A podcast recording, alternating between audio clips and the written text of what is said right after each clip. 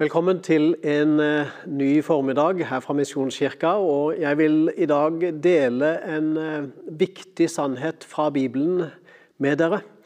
Noe som har opptatt meg i lang tid, og som jeg tror Bibelen er veldig tydelig på, særlig Det nye testamentet. Jeg har valgt å kalle temaet i dag for Veien.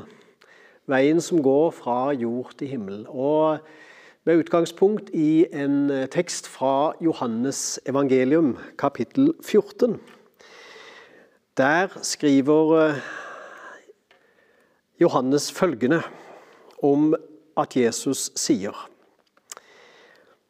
Og når jeg har gjort i stand et sted for dere, vil jeg komme tilbake og ta dere til meg, så dere skal være der jeg er. Og dit jeg går, vet dere veien. Thomas sier til ham, 'Herre, vi vet ikke hvor du går. Hvordan kan vi da vite veien?' Jesus sier, 'Jeg er veien, sannheten og livet. Ingen kommer til Faderen uten ved meg.' Det er jo sånn at eh, det er viktig med tilhørighet. Det er viktig med um, identitet. Og det med sann tilhørighet og det med å ha navnet i orden er jo ganske viktig, egentlig. De kristne i den første tida de ble kalt de som tilhørte veien. Og det var noe med det at eh, det handler om altså en vei, og hvis vi bruker dagens bilder, så kan vi ikke bruke f.eks. en rulletrapp som eh, går fra A til B, eller en heis som går til en viss etasje, der en forholder seg passiv til den er framme, til den er oppe. Men veien må du faktisk gå på. Der må du være i bevegelse for å komme fram. Derfor er uttrykket 'veien' et veldig godt uttrykk, som faktisk ble brukt på de første kristne. Lenge før de ble kalt kristne. Det å høre til er viktig. Tilhørighet gir mening. Det gir innhold, det gir verdi. Eh, og Det vet vi spesielt i, i, disse tider. Det er viktig å tilhøre en gruppe, en familie, et fellesskap, et vennskap. Eh, noe vi savner eh, ofte, altså. Og Det ser ut til nå å åpne samfunnet litt mer og mer, og vi får lov til å mer og mer å kjenne på tilhørigheten, kjenne på fellesskapet igjen. Og Slik var det med de første kristne. De trengte det fellesskapet. De trengte fellesskapet på veien. De måtte ha noe sammen. Og Slik var det både før Jesus døde, når Jesus hadde dødd og oppstått, og etterpå, til og med etterpå pinsedag, så samla de seg. Og Det var viktig å tilhøre gruppa. Så veien var det viktige uttrykket. Thomas han eh, er jo den som spør spørsmål. Disippelen Thomas. Eh, og han eh, sier jo en gang altså at Ja, men hvor går du hen da, Jesus, slik at vi kan finne veien? Ja, men så sier Jesus at spørsmålene er ikke hvor, men hvem. Så sier Jesus til at 'jeg er veien'. Så egentlig det å spørre rett er ofte en forutsetning for å få et godt svar. Eh, så når Thomas spør hvor skal vi gå hen for å finne veien, så sier Jesus det handler egentlig ikke om hvor, men det handler om hvem. Jeg er veien, sier Jesus. Altså, den som møter Han, finner veien. Det er ikke nødvendig å lete andre steder eller prøve på andre måter. Det var Han det handla om. Jeg er veien. Det er et flott uttrykk som Jesus bruker om seg sjøl. Det er altså den bevegelsen som skjer fra jord til himmel. Det har med veien å gjøre. Veien til himmelen som starter her på jord. Bevegelsen, den er viktig. At det er framdrift, at vi går eh, og ikke stopper opp. Og Jeg skal prøve å si også litt mer om det. En annen disippel, Philip, han eh, spurte ja, men Jesus, hvis du viser oss Far i himmelen, så er jo det nok for oss. Og Da må Jesus igjen si ja, men Philip, kjenner du meg ikke? Hvis du har sett meg, eller når du kjenner meg, så kjenner du far. Har du sett meg, så har du sett far i himmelen. Så alt handler om Jesus og det vi får gjennom han. Det var der veien begynte. Det var han som var veien, og han skulle de følge videre. Det er eh, mange flotte uttrykk vi kan finne i Bibelen og, og andre steder. I en kirke i Sverige, i Vernamo misjonskirke, der står det en gammel talerstol. Og På den talerstolen så står det et uttrykk for den som kommer opp da, og skal si noe fra den talerstolen. Og Mange er nok de som har blitt overraska når de kommer opp der og får lese det som står inngravert på talerstolen. Det ser ikke forsamlingen, men det ser den som står der. Og Der står det rett og slett 'Vi vil se Jesus'. Og Det er jo litt av en utfordring. Eh, hvordan skal vi vise Jesus for mennesker når vi får mulighet til å dele, f.eks.? Det utfordrer oss, og det eh, setter oss på en måte i en posisjon der vi får mulighet til å dele. Og hvordan blir Jesus tydelig gjennom våre liv? Hvordan kan Jesus skinne gjennom oss? Det er en utfordring. og Derfor syns jeg eh, den talerstolen, gamle talerstolen i Vernamo misjonskirke den, den setter egentlig fingeren på et viktig punkt.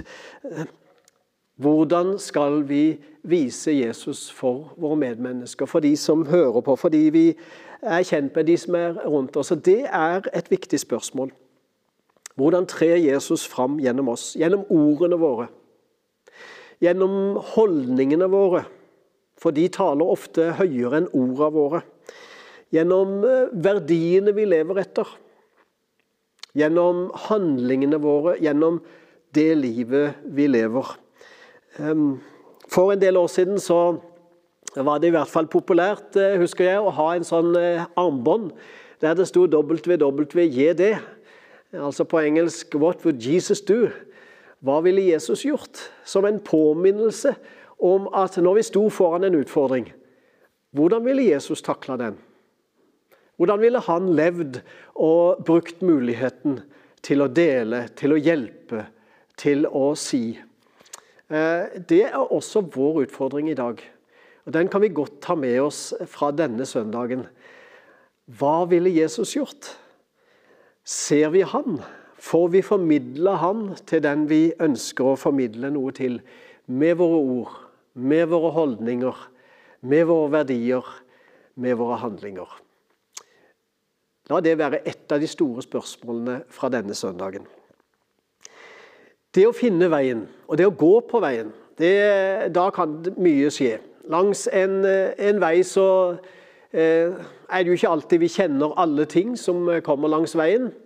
Og Særlig med den veien som jeg prøver å beskrive nå, den som går på en måte fra jord til himmel, det som har med kristenlivets bevegelse å gjøre, så kjenner vi jo ikke alle ting som vil møte oss. Absolutt ikke. David han sier i en salme som han skriver Lær meg din vei, sier David. Og før meg på jevne stier, for jeg er omgitt av fiender. Altså, jeg er omgitt av krefter som kan rive meg bort, eller som kan peke en annen vei, eller som vil dytte meg ut av veien, eller som vil stoppe meg, hindre meg. Lær meg din vei, sier David. Det tror jeg er en viktig bønn også i dag, i dagens samfunn. Det å lære den veien vi skal gå.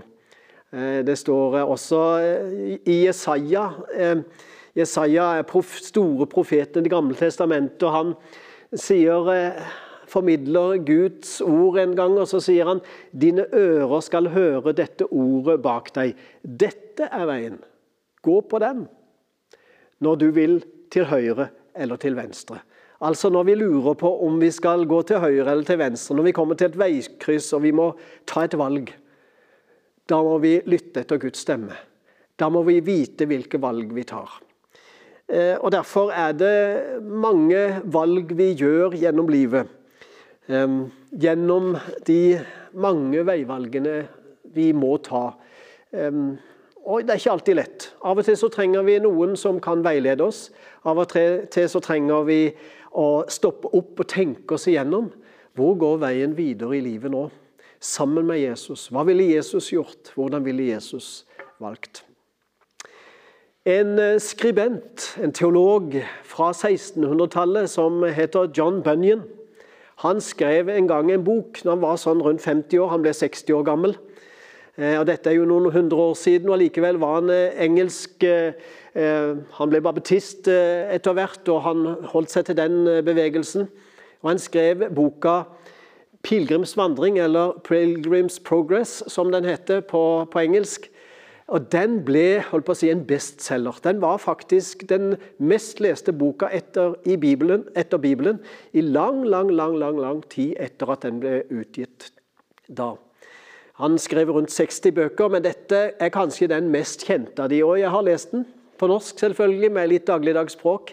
Og det er en fantastisk historie. Den beskriver historien der eh, en menneske, en pilegrim, begynner på en vei som skal gå mot himmelen. Og Han begynner med en tung bør som holder han igjen, og så drar han ned. Og Så møter han Jesus og får lesse av den børa. Så begynner han å gå lett. Men det er ikke slutt med utfordringer for det. For langs veien møter han hindringer og utfordringer og fristelser. Og det er beskrevet med et dramatisk språk. Så den er ganske dramatisk å lese, denne boka, 'Pilegrims vandring'.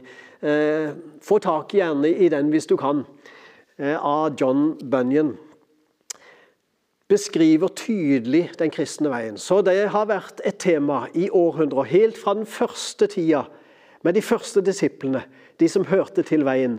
Og så har dette blitt beskrevet opp gjennom århundrene. På 1600-tallet så skrev John Bunyan om det. Og i dag så har vi det fortsatt blant oss. En viktig tema. Veien til himmelen. Hvordan finner vi den? Hvordan velger vi den? Hvordan velger vi når vi går på den? Vi kan jo snuble og falle mange ganger. Ehm, langs grusveier der det stikker opp ting og vi ikke ser oss så godt for, så kan vi eh, slå oss. Vi kan få et skrubbsår som gir oss et arr. Vi kan bli såra. Og selv om eh, sårene gror og de blir lekt, så har vi kanskje et arr igjen av det som vi møtte en gang. Og det er jo ikke slik at kristenlivet det, det går helt ubemerka hen. Vi er akkurat som vi var når vi begynte for mange år siden, kanskje. Nei, underveis så har vi lært mye. Så har vi kanskje falt, og så har vi kanskje støtt oss på noe. Og så har vi måttet reise oss på nytt igjen. Kanskje vi har måttet bedt om tilgivelse. Kanskje vi har måttet gått til noen og ordne opp en sak. Og i hvert fall til Gud og ordne opp med Han. Og så har vi begynt igjen, og så har det blitt en eh, nye, viktige valg. Men arret sitter kanskje igjen og minner oss på at det har kosta noe å gå på denne veien. Og Det minner oss på hvor viktig det er å holde oss på veien. Vi kan velge veien, og vi kan velge å slutte å gå på den. Helt klart. Eh, vi kan komme på villspor. På 80-tallet, da jeg var misjonær i Kongo, så eh, kjørte vi på bushveier mye, eh, mil etter mil. Og vi hadde landrovere, og det var dårlige veier. Mye søleveier og dype vannhull. Og eh, det var ofte det at når vi kom til et sted, spesielt kanskje etter at det hadde regna en stund, så, så, måtte vi ta en omkjørsel. En, eh, en eh, vei rundt for å komme fram. Og Da var det viktig å kjenne at den veien vi tok, den førte faktisk inn på den rette veien igjen. At vi ikke kjørte oss vill. Jeg kjente en misjonær som eh, fortalte meg en gang at han hadde tatt en sånn avstikker, for han så det var umulig å komme fram eh, hvis han kjørte bare rett på. Og Så tok han en avstikker, men så ble det avstikker på avstikker, og til slutt så havna han helt feil, og han visste ikke hvor han var henne. Og Etter seks timers kjøring i bushen så befant han seg på samme stedet der han starta for seks timer siden. Han hadde rett og slett kjørt i ring, mista himmelretningen, sola var ikke så framme til å eh, finne retningen på. Kompass hadde han ikke med seg. Eh, og Kart det nytta jo ikke når han måtte ta av fra veien. Så eh, det å vite hva han gjør, hvis han må ta en vei rundt det som er umulig å forsere, da skal han vite hva han gjør. Da skal han kanskje spørre noen som har gått før. Da skal han vite at han velger rett avkjørsel, slik at han kommer inn på veien igjen. Av og til så kan det være tungt å gå rett fram. Da skal han vite at han får den hjelp han trenger for å ta rett vei. Paulus han eh, kjempa også med veien. Han snakka mye om veien. Først så fengsla han de som hørte til veien, sto det. Så På sin vei til Damaskus så hadde han altså et brev fra fariseerne i Jerusalem Og Der sto det at han fikk lov til å søke opp og fengsle de som hørte til veien, står det. Så i Apostlenes gjerninger, hvis du leser eh, den boka i Bibelen, så finner du at eh, det handler mye om de som hørte til veien. Disipler. Kristne, altså, men lenge før de blir kalt kristne. Men så ble han jo sjøl en av de som hørte til veien. En av de som kalte seg tilhørere eller tilhengere av veien. Eh, et flott uttrykk på mange måter. Vi kan også bli frista underveis. Eh, fristelser de, eh, de kommer hele tida i en eller annen form. Jesus ble frista. Han unngikk heller ikke å bli frista. Han ble frista når han var sulten, for han hadde fasta lenge. Han ble frista når han var ensom, for det var ingen der til å støtte ham. Eh, og så kom den onde til han og frista han, står det. Virkelig. Og det var i begynnelsen på Jesus sin tjeneste som voksen. Og Han ble frista både med det ene og det andre. Han ble frista med å kunne få makt. Han ble frista på rent sånn kroppslig behov og få brød når han var sulten. Han ble frista med det forfengelige, det å bare bruke Gud som en, et instrument som kunne ta hånd om han. Og Jesus visste at dette var farlige ting å innlate seg på, så han sto imot den onde svarte den onde på en god måte med gode skriftlige belegg fra Guds ord. Og Så står det at djevlene måtte gå fra ham, eh, for han hadde valgt rett. Han lot seg ikke friste, og at fristelsen skulle bli et fall for ham. Vi kan nå oppleve fristelser som kommer langs veien. Det er ikke noe nytt, og det kommer vi garantert til å gjøre fortsatt. Enten i morgen eller dager som kommer, så møter vi fristelser. Da er det viktig å hva ville Jesus gjort? Hvordan ville han reagert på den utfordringen? Hva ville han valgt som strategi eller som verdi å holde seg til? Hvilken holdning ville han holdt fast på? Hvilken handling ville han hengitt seg til? Fortsatt viktig å tenke de tankene og gjøre de avgjørelsene for å holde oss på veien.